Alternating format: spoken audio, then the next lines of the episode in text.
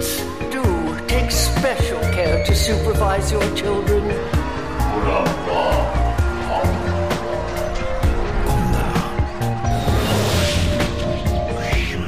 Het is weer ochtend in Pretparkland.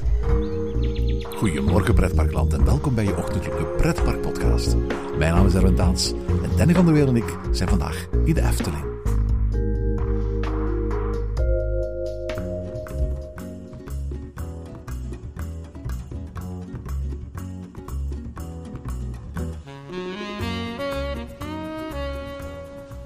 Goedemorgen Danny. Goedemorgen Erwin. En Danny, we staan hier weer eigenlijk voor de tweede keer op een van de meest griezelige plekken van de Efteling. Hè? De wachtrij van Fabula. De wachtrij van Fabula. En voor de tweede keer, omdat we en twee jaar geleden van op deze plek ik ook al eens een podcast heb opgenomen over een attractie die op dat moment stond te verdwijnen. Ja, en toen keken wij naar een eh, prachtig bos waarin zo'n groene slang als het ware doorheen kronkelde. Oftewel de Bob hebben we natuurlijk toen besproken. En wie had gedacht dat we twee jaar na dato op exact dezelfde locatie zouden staan. En dan kijken naar een andere attractie. En voordat we... Nou ja, iedereen weet al waar we het over hebben. Maar eigenlijk toch een beetje jammer dat de derde attractie... waar we dan ook een beetje half naar kijken... nog niet weg is. Ja, abs- absoluut, absoluut. Zeg maar, ik sta hier nu met uitzicht op de grote, statige, met klim op begroeide toren van het Spookslot. En het is nog altijd niet 100% op mij doorgedrongen dat aan het eind van de zomer dit gebouw, dit iconische gebouw van de Efteling, weg zal gaan. Ik bedoel, er is op dit moment niks waaraan je kunt zien dat hier grote veranderingen op tel zijn. Maar de Efteling heeft aangekondigd dat een attractie die oorspronkelijk in 1978 geopend is en die eigenlijk al ons hele leven lang deel uitmaakt van bezoeken aan de Efteling, er eigenlijk over ja, een aantal maanden niet meer gaat zijn. Hè? Is dat al tot je doorgedrongen? Nou, half. Omdat toen hier de Bob eenmaal wegging... en toen werd vervangen door Max Moritz... is het een kale vlakte geworden. Toen dacht ik al van... ik hoop zo dat ze nog heel even de omgeving van het spookslot houden. Want als dat dadelijk gaat weggaan... want er moet gekapt worden natuurlijk... anders kun je nooit je bouwwerkzaamheden gaan starten. Ik denk dat dat dan het meeste pijn bij me gaat doen. En dan gaat het echt doordringen volgens mij van... wow, hier gaat echt iets essentieels veranderen. Want eh, Erwin, we staan op een van de oudste plekjes van de Efteling qua natuur. Hè. We hoeven alleen maar om ons heen te kijken wat voor prachtige bomen er staan. En misschien wel bij een van de mooiste gebouwen van de Efteling. Ja, absoluut. Het is een gebouw dat eigenlijk oorspronkelijk geopend is voor de 25e verjaardag van de Efteling. Op dat moment gebruikten we nog een enigszins andere jaartelling dan ze op dit moment doen. Op dit moment zijn we eh, ja, het 70ste verjaardagsjaar van de Efteling. Dus met andere woorden, er is wat tijd overheen gegaan. Maar het was ook een periode van totale transformatie van de Efteling. Het is, het is eigenlijk het moment, eind jaren 70, waar de Efteling van regionaal sprookjespark langzaam maar zeker de stap zou zetten naar een groot Europees pretpark. En in dat opzicht is, is het Spookslot aan de ene kant een eindpunt en een beginpunt. Als je kijkt naar de grootsheid en de schaal waarop deze attractie gebouwd is, was het een beginpunt van een heleboel veel grotere investeringen. Gevolgd door eh, de Python, de Halve Maan, het Piranha Carnaval Festival, de Bob, Fata Morgana. Aan de andere kant was het ook een beetje een eindpunt. Want als je vraagt aan mij wat voor soort attractie is het? Is dit een dark ride? Is dit een show? Is dit een, Een walkthrough. een walkthrough? Dan zeg ik eigenlijk van nee, ik zie het als een uit de kluiten gewassen sprookje. Want eigenlijk is, is dat waar de Efteling sinds 1952 mee bezig was. De sprookjes waren traditioneel allemaal in één gebied gebouwd. En werden naarmate de tijd verder ging steeds groter en expansiever. Na een tijdje ontstonden er echt showtjes. Denk maar aan bijvoorbeeld de Indische waterlelies. En eigenlijk is het spookslot heel vergelijkbaar met wat je op heel veel plekken in het Sprookjesbos doet. Je wandelt een gebouwtje binnen en dan achter ergens een, een glazen raam. Kijk je naar een vertelling of een uitbeelding van een bepaald verhaaltje. Het is voor mij ook een beetje de, het start van de dark ride verhaal van de Efteling. Als je nu de Efteling bezoekt en je ziet hoe populair op zo'n winterse dag die dark rides zijn op dit moment. Ja, het spookslot is voor mij ook wel de basis geweest van de moderne dark ride hier in de Efteling. En misschien zelfs ook wel daarbuiten. Ik denk dat het echt een icoon nog steeds is, maar zeker toen het werd gebouwd, van de schaalvergroting inderdaad ook van de Efteling. Want eerlijk is eerlijk, het is een immens gebouw. En het is eigenlijk een immense, nou laten we het even een show noemen vandaag een show waar je naar kijkt. Het decor is diep, is groot. ehm, de wachtrij is lang. Het is echt een ongelooflijk groot gebouw. En wat ik dan zelf zo knap vind aan dit gebouw is je kunt er echt omheen lopen. En er zijn maar misschien twee plekjes waar je denkt van nou dat had beter kunnen worden afgewerkt. Maar voor zo'n groot showgebouw midden in het park is het wel heel bijzonder hoe eigenlijk het spookslot ook wegvalt in de Efteling. Het valt eigenlijk niet op dat die, dat, dat slot er staat. En dat is aan de ene kant volgens mij de kracht van, het, van, van de attractie, maar ook wel ook een beetje de, ja, de reden dat we moeten gaan missen binnenkort. Je kunt eigenlijk de geschiedenis van de Efteling vertellen aan de hand van de sleutelmomenten die het park is overkomen. En dan, dan kunnen we zeggen van uiteraard de opening van het eh, Sprookjesbos in 1952 was een sleutelmoment. De opening van de Indische Waterrace was een sleutelmoment. De opening van het Carouselpaleis was zo'n sleutelmoment. Maar ik geloof ook echt dat de opening van het Spookslot zo'n ontzettend belangrijk sleutelmoment is. En was tot voor een aantal jaren de Efteling een park waar nooit iets wegging. Dan weten we dat dat nu anders is. Maar ik heb wel het gevoel dat het voor de eerste keer is dat een van die sleutelmomenten gaat verdwijnen. Een van die hele belangrijke momenten uit de geschiedenis wordt weggedaan. Want oké, de, Monsieur Cannibal is, is, is, is een Simbad-attractie geworden. De Polka Marina is verwijderd. De Bob is een aantal jaren geleden weggedaan. En voor alle duidelijkheid, we hebben, we hebben goede herinneringen aan de Bob.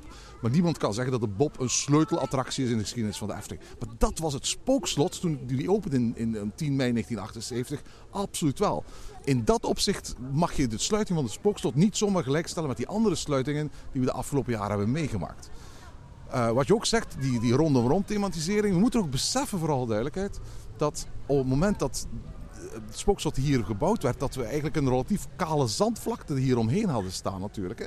Van de bomen waar nu sprake van is, ja, dat, dat waren twijgjes en hele jonge berken en beuken en kastanjes en eiken die hier stonden.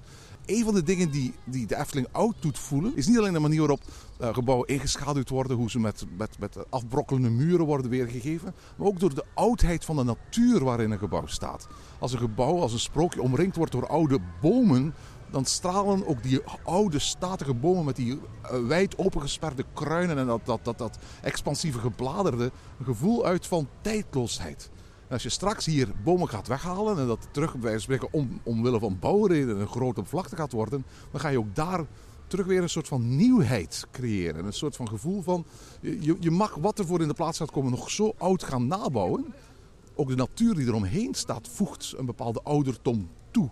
Want dit blijft nog altijd een attractie die, die niet zomaar aan de rand van het park ligt. Je gaat er hoe dan ook op de een of andere manier nog altijd omheen kunnen wandelen. Misschien niet meer zo direct als nu mogelijk is met het heksenpad dat erachter is. Maar het, is een, het blijft een attractie die in het midden van het park ligt en niet zomaar aan de grenzen van het park. En het is een attractie die ook niet bijzonder hoog is. Hè? Kijk, als je gaat kijken naar ehm, de Fabula Loods, dat is een bijzonder hoog gebouw. En dat zie je echt vanuit het hele park. Het spookslot is eigenlijk qua hoogte niet zo. Het, wat wat zijn die toren waar dus die prachtige klimop eh, overheen eh, groeit. Ja, die zien we her en der. Maar het hele showgebouw kun je eigenlijk bijna nergens zien. En dat maakt natuurlijk ook wel dat ik heel benieuwd ben naar ja, de vervanger van het spookslot. En laten we, dat zien we vanzelf al wat het wordt. Laten we vooral nu kijken naar wat het spookslot nu is. Maar daar gaan we natuurlijk denk ik wel heel erg moeten slikken qua, qua thematisatie. We gaan daar echt een ander type gebouw zien. En dan kunnen we ja, nog wel een identiek geveltje bouwen. Maar het spookslot zoals we het nu zien, zoals het hier nu staat, dat gaan we dus nooit meer terugzien. En dat is natuurlijk jammer. Laten we dadelijk de vraag beantwoorden, wat vinden we ervan? Maar als je dan hier nu staat, het geeft wel een bak sfeer. En dat begint eigenlijk al bij die tegels die er liggen hiervoor, dat spookslot. Ehm, dat, dat prachtige, die vormgeving van dat gezicht wat in die gevel zit, die, die angst die je ziet. Ja, dat is gewoon ongelooflijk knap gemaakt. Ja, absoluut, absoluut. We gaan het niet hebben over het spookslot en de geschiedenis en alles wat er, wat wat er te beleven is in spookslot. Daar hebben we al eens eerder een aflevering van onze podcast over gemaakt. Uh, maar we gaan het vandaag vooral hebben over wat wij vinden van het feit dat deze iconische attractie gesloten wordt. Nu, vooral duidelijkheid, overal in pretparkland zien we dezelfde tendensen. Hè. In pretparkland en voor de meeste parken uh, om ons heen is het zo dat de jaren 80 de grote jaren van groei betekend uh, hebben heel veel parken hebben juist in, in de jaren 80 een enorme groeispurt gemaakt. En dat zie je ook in de Efteling. Eigenlijk daar werd bijna van tussen 1980 en 1990 elk jaar een nieuwe grote attractie toegevoegd. Dat betekent ook dat dat patrimonium ondertussen 40 jaar oud begint te worden. En, en attracties en de materialen waarvan ze gemaakt zijn, die hebben natuurlijk een bepaalde beperkte levensduur. En overal hebben we de afgelopen jaren gezien in pretparken, bij ons in de buurt, maar ook verderaf, dat attracties uit de jaren 80 ofwel opgeknapt zijn en veranderd of volledig verdwenen zijn. Ja, en dat zie je hier ook in de Efteling. Hè. Kijk naar bijvoorbeeld de Polka Marina, wat natuurlijk uh, vooral op technisch vlak ook gewoon klaar was. Uh, we hebben het al gehad over de Bob, die natuurlijk weg is. Uh, de Pegasus, een houten achtbaan. Toen vroeger attracties werden gebouwd, was, ja, was er nog niet rekening gehouden met de levensduur van zo'n attractie. Als je nu gaat kijken naar bijvoorbeeld naar Max Moritz, waar we ook eh, half eh, zien hoe dat gebouwd is, dat staat hier wel voor de komende 30 jaar goed. Daar is door Mack Rides echt een structuur ontwikkeld om die achtbaan ook gewoon qua levensduur nog wel flink wat mee te geven. Eh, de gebouwtjes die nu worden gebouwd in de Efteling, kijk bijvoorbeeld naar de Baron 1898, dat is op zo'n manier gebouwd. Dat gaat de komende nou, 30 jaar ook nog wel prima staan. Hè? Even los van wat technische installaties. Als we nu gaan kijken naar het spookslot en we kijken daar nu gewoon kritisch even naar de gevel, dan zien we eigenlijk al dat een deel van de gevel ook al gewoon is vervallen. Je bedoelt daarmee echt, echt vervallen en niet vervallen uitziend, hè? Nee, we zien echt gewoon de basis, de bakstenen die daaronder liggen. En dat, dat geeft natuurlijk het grote gevaar aan van heel veel van dit soort gebouwen. Dat is gebouwd op een moment dat de Efteling nog een beetje in die experimentele fase zat. Een Tom van de Ven nog lekker aan het knutselen was op een, een kantoortje met een manquette wellicht. En, en daar werd wat bedacht en dat gaan we gewoon doen, dat gaan we gewoon bouwen. Maar als je nu kijkt naar nou, Moritz of naar, naar, naar Monsieur Cannibal, de ombouw. Hoe groot projectteam daar zit en hoeveel verschillende externe bedrijven er bezig zijn om überhaupt de technische installaties te kunnen berekenen. Ja, dan zul je dus zien dat zo'n spookslot eigenlijk een hobbyproject is. En een ander voorbeeld wat ik dan wil noemen is bijvoorbeeld Area 51 in Movie Park. Een totaal andere uh, vorm. Hè. Dat is in, in de 90 jaren gebouwd. De Bermuda-driehoek van vroeger, hè? Exact. Toen ook al was in, tijdens de bouw waren bijvoorbeeld de kabels in het beton gegoten. Dat betekent dus als er een kabelstoring zit dat men het beton moet weghakken. En dat is duur, dan moet je eigenlijk de attractie afbreken. Heden ten dagen zal dat ook niet meer worden gedaan. Hè. Nu, als er een technische installatie wordt gebouwd, wordt dat volledig losgekoppeld van ja, de infrastructuur van je gebouw zelf. En daar zit natuurlijk wel een groot probleem in. En dan praat je dus over een attractie die in de jaren 90 is geopend. Laat staan, hè, wanneer was het Spookslot geopend? 78.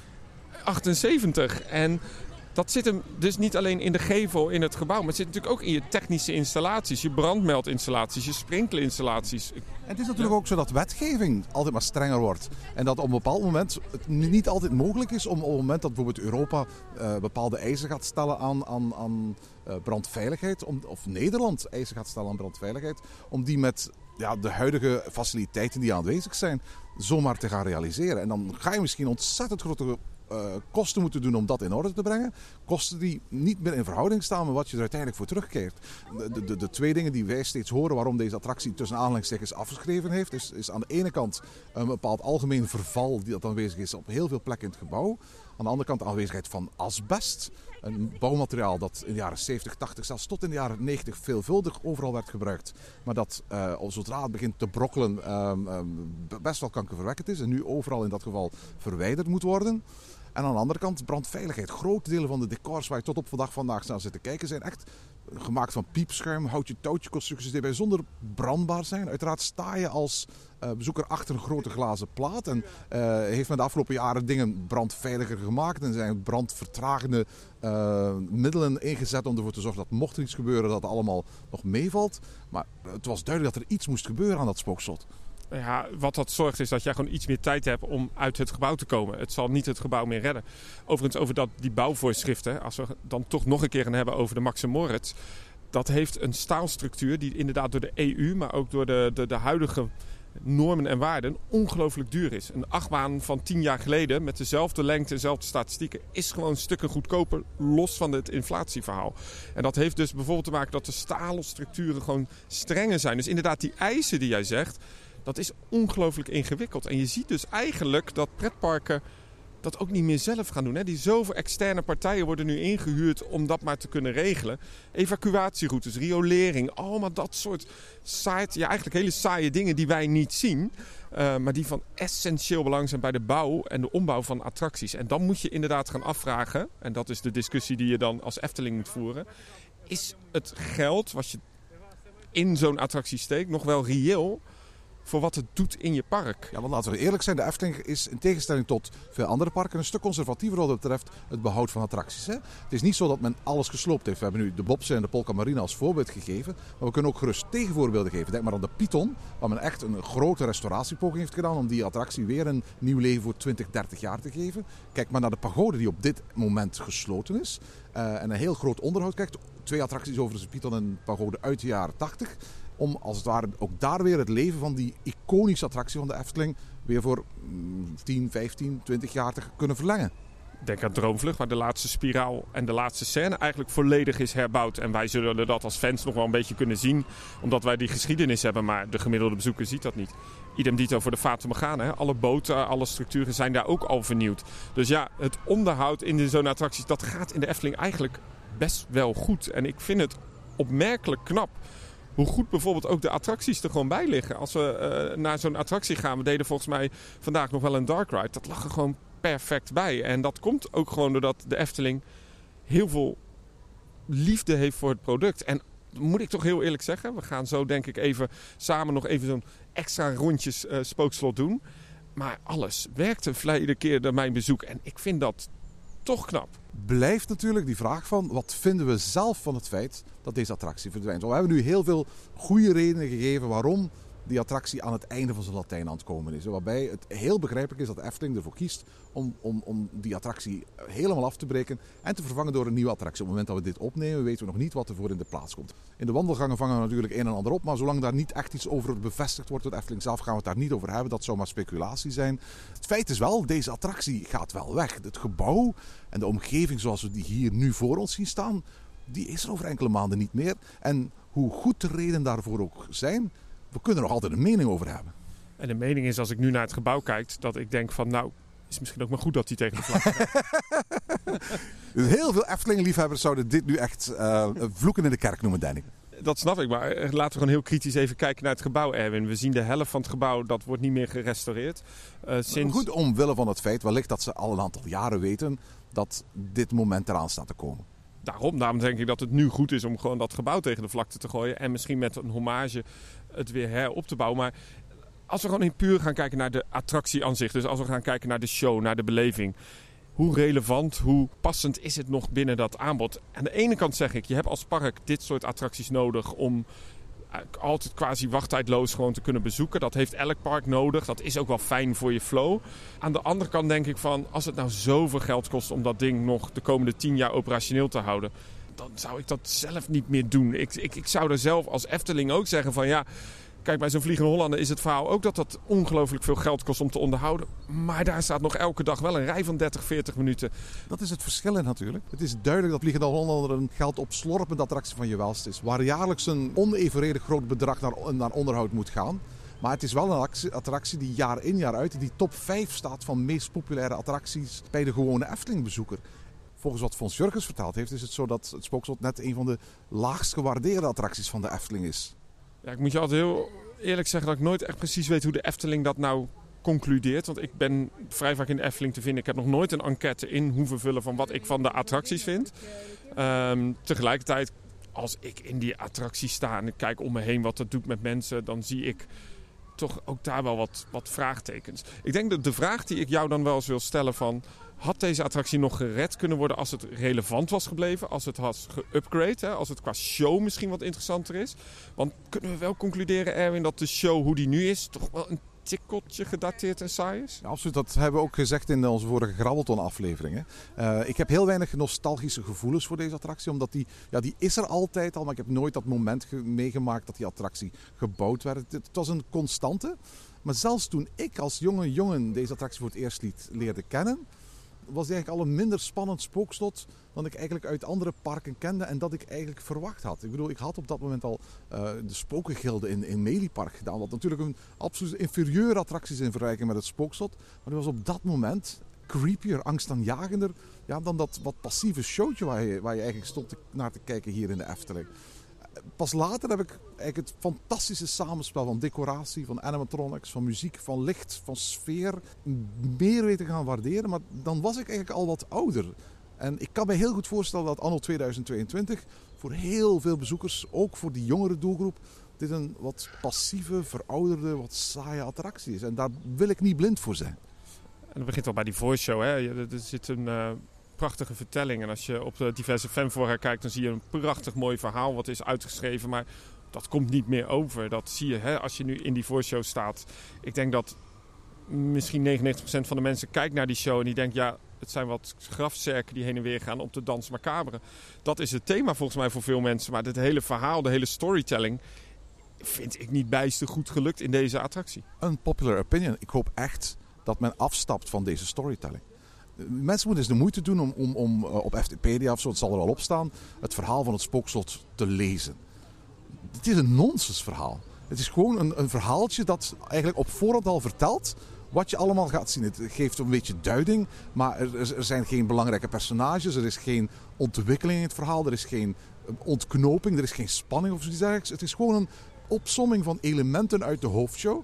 Maar dit is geen goed verhaal. Dit is geen spannend verhaal. Dit is echt geen creatieve storytelling. Dit is zelfs hele, hele luie storytelling. En ik hoop eigenlijk dat, los van misschien wat namen die mogen terugkeren, hè, de, Graaf van Capelle van Kaartsheuvel, Visculamia, dat men zich niet al te veel laat limiteren door wat daar op dit moment verteld wordt.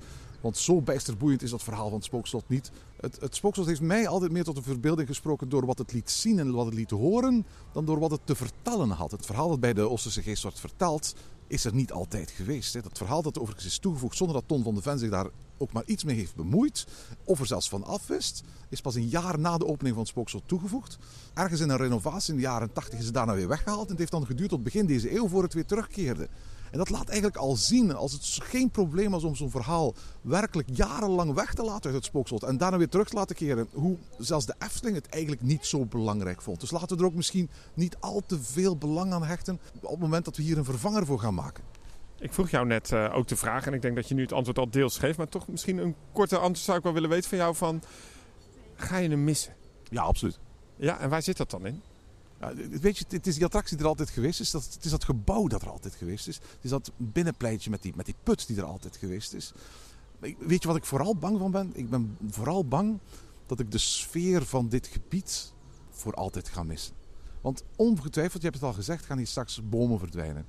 Ongetwijfeld gaat dit van een heel oud gebied in één keer veranderen naar een nieuw gebied. Dit wordt een nieuwe hot and happening place in de Efteling. En dat is een gevoel dat ik nooit bij het Spookslot heb gehad. Dit was dat verlaten hoekje waar, waar je altijd eens kon binnenlopen om het Spookslot te doen.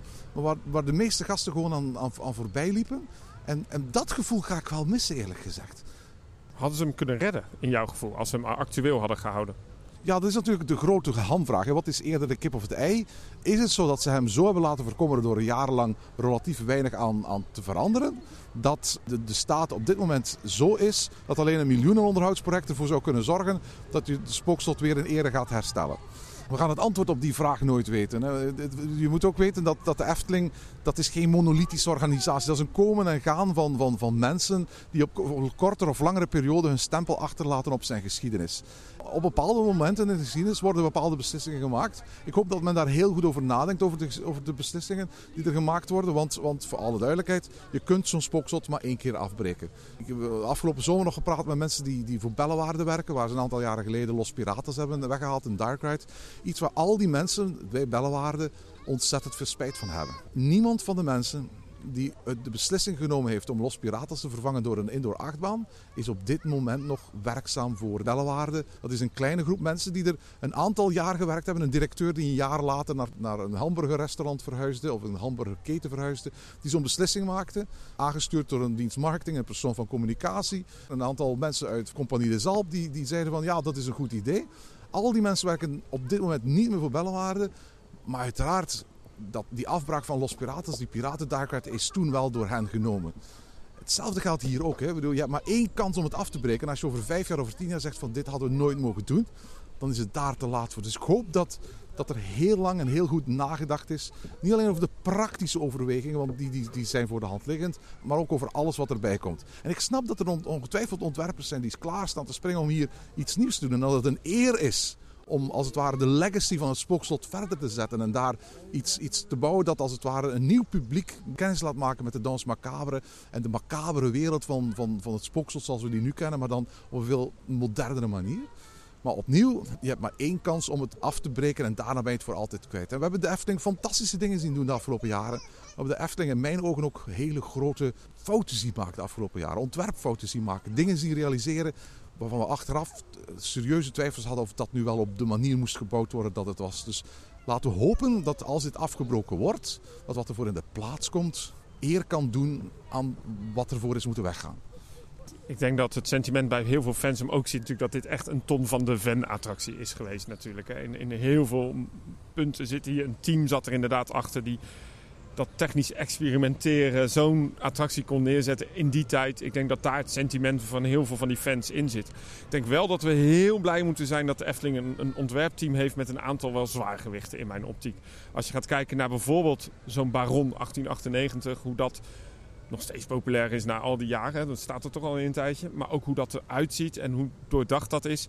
Ik heb daar wel vertrouwen in. En ik heb ook eh, in de wereld van Simbad zie ik toch een aantal elementen dat ik denk van wow, daar is de Efteling wel echt goed in. Dus ik, ik verwacht wel dat de Efteling hier iets gaat doen. Maar mag ik de Efteling niet dat ze dit gaan luisteren met Oh, dit advies? vast wel, hoor, vast wel. Hè. Eh, Ik zou ze toch een advies willen geven. Ik zou misschien zo ver mogelijk afblijven van het concept spookslot. Ik zou juist niet de dans macabre doen. Ik zou juist niet elementen gebruiken die je nu kunt zien. Ik zou er echt iets nieuws bouwen. Omdat je altijd anders dat sentiment gaat krijgen van mensen van... oh ja, vroeger was het zo, vroeger was het dit. Ik zou een aantal elementen in een museum zetten en echt iets nieuws doen. Griezelthema leuk, maar ik zou voor de rest... Het is geweest. Laten we het door. Maar voor alle duidelijkheid, wat ik wel zo graag zou hebben, is dat er een donkere attractie voor terugkomt. Ik heb het een beetje gehad met de hele toegankelijke happy, happy, joy, joy sfeer van als het ware bijna elke toevoeging van de laatste jaren. Het Spookslot is een donkere attractie. En een van de dingen die, die van mij betreft een kenmerk is van de Efteling, is dat het allemaal niet die sugar-coated happiness feeling heeft die je in heel veel andere parken hebt. Het, is een, het is een stijlvolle attractie. Het is geen schreeuwerig Halloween spookhuis met gore en slasher elementen, et cetera. Dit is een stijlvolle duisternis. En ik hoop eigenlijk dat de Efteling in elk geval, het hoeft niet het spookslot te zijn. Het hoeft wat mij betreft zelfs niet Dans Macabre te zijn. Er zijn genoeg plekken om daar ergens in het park een soort van ode aan te laten brengen. Maar ik zou wel graag hebben dat er iets voor terugkeert met een donker randje, een duister sfeertje. Want ik geloof ook echt dat daar, als je kijkt naar hoe Anton Pieck bepaalde sprookjes ontwikkeld heeft. Als je ziet hoe dat duistere randje in zoveel attracties die in de glorietijden van, van Anton Pieck en Ton van de Ven deel uitmaakten van de Efteling beleving, eh, steeds weer terugkeerde dan zou het jammer zijn om, om, om dat hier te verliezen. Dus wat mij betreft graag een nieuwe attractie met een donker randje. Eens. En ik denk dat je spijker en kop slaat, hè, om het zo maar te noemen. Kijk naar het Sprookjesbos. Daar staat misschien wel een van de engste sprookjes qua uitbeelding. Dat is die spiegel. Ik vind die spiegel van Doornroosje echt heel tof gedaan. En eigenlijk wat je zegt, in de afgelopen jaren zie je alles een beetje happy, vrolijk. En, ook bij Max Moritz, om nog maar een keer te noemen. Want het originele verhaal is daar veel, veel creepier. Dat daar gebeurt iets met die jongens. Dat zien we niet meer terug. Terwijl vroeger deed de Efteling dat gewoon. En laten we die rubber tegel generatie... Ja, ja, ja, ja, abso- absoluut, absoluut. Gewoon, laten we nou gewoon eens lekker die spookslot, dat, dat gevoel, die vibe, dat, dat enge, dat mag gewoon. En waarom zijn parken daar nu zo terughoudend in? Dat Ja, is wel jammer. is ook wat te zoet wat dat betreft. Dus het zou zonde zijn mocht in de plaats van dit spookslot een zoeter spookslot of een toegankelijker spookslot komen. Of een spookslot waar op een of andere manier ook heel gemakkelijk merchandise van verkocht kan worden. Ja, en, en, en een goed verhaal, een goed sprookje, dat, dat heeft een donker kantje. En dat past in een sprookjeswereld. Daar is het niet allemaal even vrolijk. We zagen vandaag ook een heks rondrijden op een Segway. Ja, ja, ja. ja. Dat was ook een beetje creepy. Dat mag wel. En ik hoop als tegenhanger op de vrolijkheid die we eigenlijk hebben gehad de afgelopen jaren. Dat de Efteling vol inzet op dat, inderdaad wat jij zegt. Dat niet dat, dat bloederig, maar dat stijlvolle griezelen. Want daar kunnen we eigenlijk niet meer echt in pretparken. En dat hebben we natuurlijk allemaal te danken aan de Halloween craze, waar, waar, waar, elk jaar de grenzen moeten verlegd worden. Ik, ik zou het heel fijn vinden om dat donkere randje terug te vinden in de Efteling op een stijlvolle manier, zonder dat de grenzen verlegd worden van wat eng of scary is. Maar waar de grenzen verlegd worden op het gebied van technologie, van thematisering en vooral op het gebied van sfeer. Dan eh, is, rest mij nog één ding te zeggen over het Spookslot. Het is ook een attractie met een prachtige soundtrack. Het is natuurlijk niet eh, door de Efteling zelf gecomponeerd, maar eh, mooi ingespeeld. De dans macabre is natuurlijk wel echt door de Efteling ook bekend geworden in Nederland. Ja, het was En- natuurlijk al bekend, ik bedoel vooral duidelijkheid. Ik denk dat het de, de, de, de wereldwijd de Dans Macabre bekend is geworden door Walt Disney.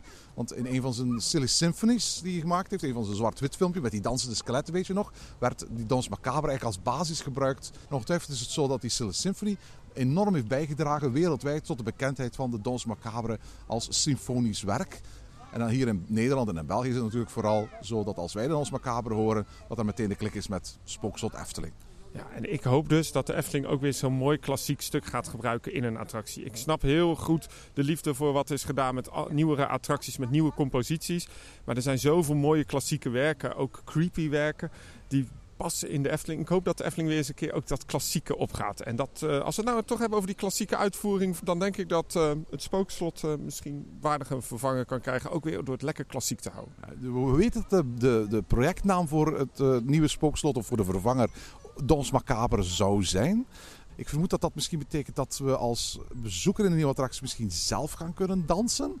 Veel meer dan dat de geesten alleen maar gaan dansen vermoed ook dat dat betekent, en ik denk dat dat zelfs al bevestigd is, uh, dat de Dans Macabre sowieso als muziekstuk terug gaat komen. Misschien niet in de vorm uh, zoals we die hier op dit moment in het spookslot kunnen, uh, kunnen meemaken.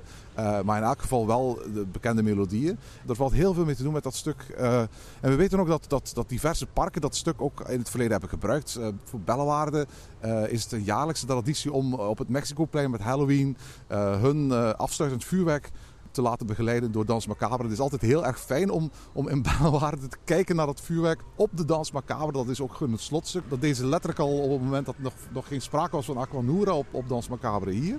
Dus in dat opzicht hoop ik echt wel dat Dans Macabre een, een, een blijvende waarde blijft in de Efteling. Ook als muziekstuk. Maar je hebt wel gelijk. Het gebruik maken van bestaande klassieke muziek is een traditie die bij de Efteling teruggaat. Eigenlijk tot de muziek in de muzikale paddenstoelen.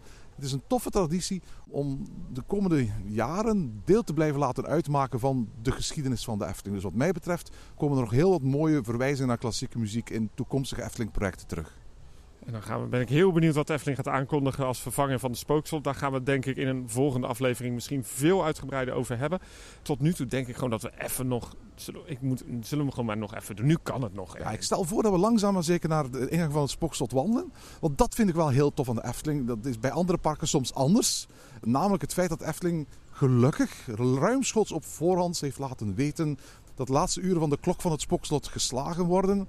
Uh, maar dat we nog tot ongeveer eind van de zomer, wellicht eind augustus, ongeveer een gelijkaardige eh, scenario als bij de Bob, de kans krijgen om dit majestueuze gebouw en deze fantastische attractie uh, voor het laatst in ons leven te gaan bezoeken. En ondertussen wandelen we langzaam maar zeker eigenlijk naar het gebouw toe. Ik stel voor dat we onszelf nog eens gaan trakteren op een, een beetje spookslot. Wat is, wat is het sfeervol, Danny? Ja, en dan die, die, die soundtrack die ook afspeelt als je binnenkomt, hè, dat geeft al zo'n... Luister even, luister even. Dat is toch prachtig, hè? En dan zie je nog rechts zo'n oud niet-roken bosje. En dan moeten we natuurlijk toch even aan de deur. Laten we ja, dat geluid... Ik, ik, ik, ik, hoop ook echt wel dat zo'n deur terugkeert in wat er hier ook ter plekke als vervanger komt. Vroeger was die klink zo wit geschilderd. Dat, dat doen ze nu al een tijdje niet meer. Uh, waardoor meer mensen er langskomen. En dit eigenlijk zoiets is wat alleen maar durf als uh, proberen. Maar ik vind het een hele mooie, leuke toevoeging. Iets dat blijkbaar ook goed blijft, makkelijk blijft werken. En nu kijken we uit op die, op, die, op die jammerende man, is het toch? Ja, absoluut. Die trouwens een masker heeft dat een duplicaat is van het masker van de tuinman in de hoofdshow. Dat zijn dezelfde maskers. En dan zien we links die, die, die bewegende schedels. Ben ik, vind ik oké. Vind ik iets te geanimeerd voor wat het is. Maar maar het is, het is tegelijkertijd wel een heel iconisch stil leven. Vroeger stond deze foto ook altijd in de fotoboekjes. En ik denk dat je beter kent van de fotoboekjes dan hier. Het valt ook op hoe ontzettend donker deze gang is. Hè.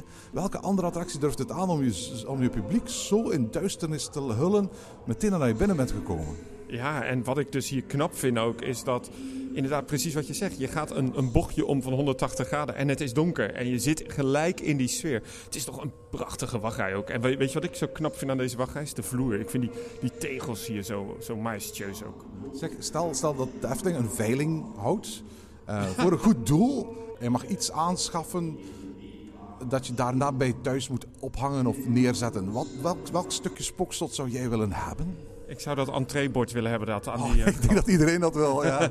maar als er eh, iets uit de attractie, weet je wat ik zou willen hebben? Gewoon iets, iets, Die slang hier, die rubberen slang. Nee, dat, dat kan je gewoon op de kermis krijgen, ben ik bang. Uh, dat, nee.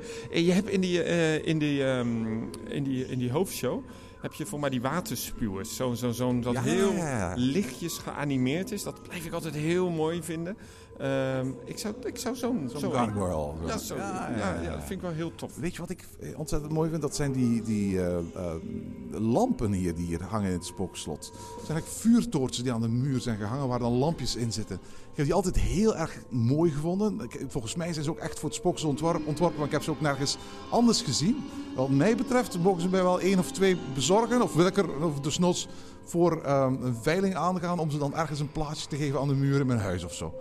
Trouwens, wat mij eh, dus ook opvalt is dat je, als je voordat je die, die ronde kamer inkomt, dat je rechts ook zo'n masker hebt. Hè? Zo'n, zo'n, ook een beetje bewegend heen en weer. Spinnenvreter. De spinvreter. Ja, dit- dit- dat is een onofficiële naam. Ik, ik herinner dat er ooit een Efteling clubboekje van, van was waar die naam geïntroduceerd werd. Eh, maar het is een man en er is zo'n zo'n eh, pepper ghost van een spin die naar beneden daalt. En als hij dan ter hoogte is van zijn mond, begint hij met zijn lippen te bewegen. En dan eet hij eigenlijk de spin op. En na een beetje kauwen zie je dan ook door die pepper ghost dat die spin weer verdwijnt.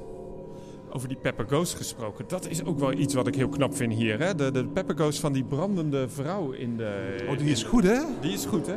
Dat is dus ook... Weet je wat ik zo leuk vind aan het spookslot? Dat Is je- Visculamia trouwens, die brandende vrouw. Oh, dat is die vrouw. Oh, dat is, Zie, dat verhaal maakt niks duidelijk hè? is nou, ja.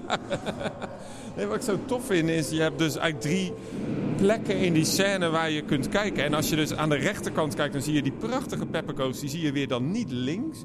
Maar links heb je dan weer zo'n prachtig zicht op die vrouw die uit dat graf komt. Maar Weet je trouwens wat het favoriete venster was van Ton van de Ven? Als je in de hoofdshow staat. Nee? Dat is het tweede venster helemaal rechts. Als je het tweede venster gaat staan helemaal rechts, dus eigenlijk het voorlaatste venster van de- vanaf waar je de, de hoofdshowzaal betreedt. Dat was de favoriete plek van Ton van de Ven om de Spookslotshow te bekijken. Van dat, dat waren zijn golden seats. Je merkt ook eh, dat de sfeer in die wachtrij gelijk goed is. Hè? Mensen doen een beetje van die, van die angsteffecten, maar ehm, die wachtrij is effectief. Hè? Ja, absoluut. absoluut. Maar moest kijken hoe, hoe, hoe prachtig dit gebouw is. Ik, ik ga dit zo hard missen. Ik hoop echt dat, dat, dat in de nieuwe attractie er komt misschien ook zo'n zo'n zaal de zaal waar we nu in staan. Met zo'n kroonluchter terecht komt. En, en misschien ook ja, die, die, eh die zal ik ze maar noemen. Dat, eh, ik ik gebruik eventjes een oneigenlijke naam, een niet-kanonnaam. Want zo heet het natuurlijk niet echt, die eh, wezens die hier in het plafond zich verschuilen. Maar het is een naam die ooit gebruikt is in een vertelling die op LP en later ook op CD is uitgebracht. Bovendien staan, zijn hier op de Pardoespromenade, hier, als je richting uh, Langnek wandelt, uh, is daar zo'n fonteintje uh, waar een aantal waterspuitertjes zijn. En het bijzondere is de hoofden van die, van die waterspuitjes, die zijn afgemald van de hoofden van de um, uh, vlederikken die hier in het plafond zitten. Dus je kunt eigenlijk ook daar iets van het spookslot terugvinden. Oh, weer wat. Uh, de soundscape is best goed eigenlijk. Ik, ik sta er nooit zo bij stil. Uh, hoeveel Nee, nee dit, dit, dit, dit, is echt een geweldig systeem. Als je beseft, het is uiteraard uh, later nog gereviseerd, et cetera.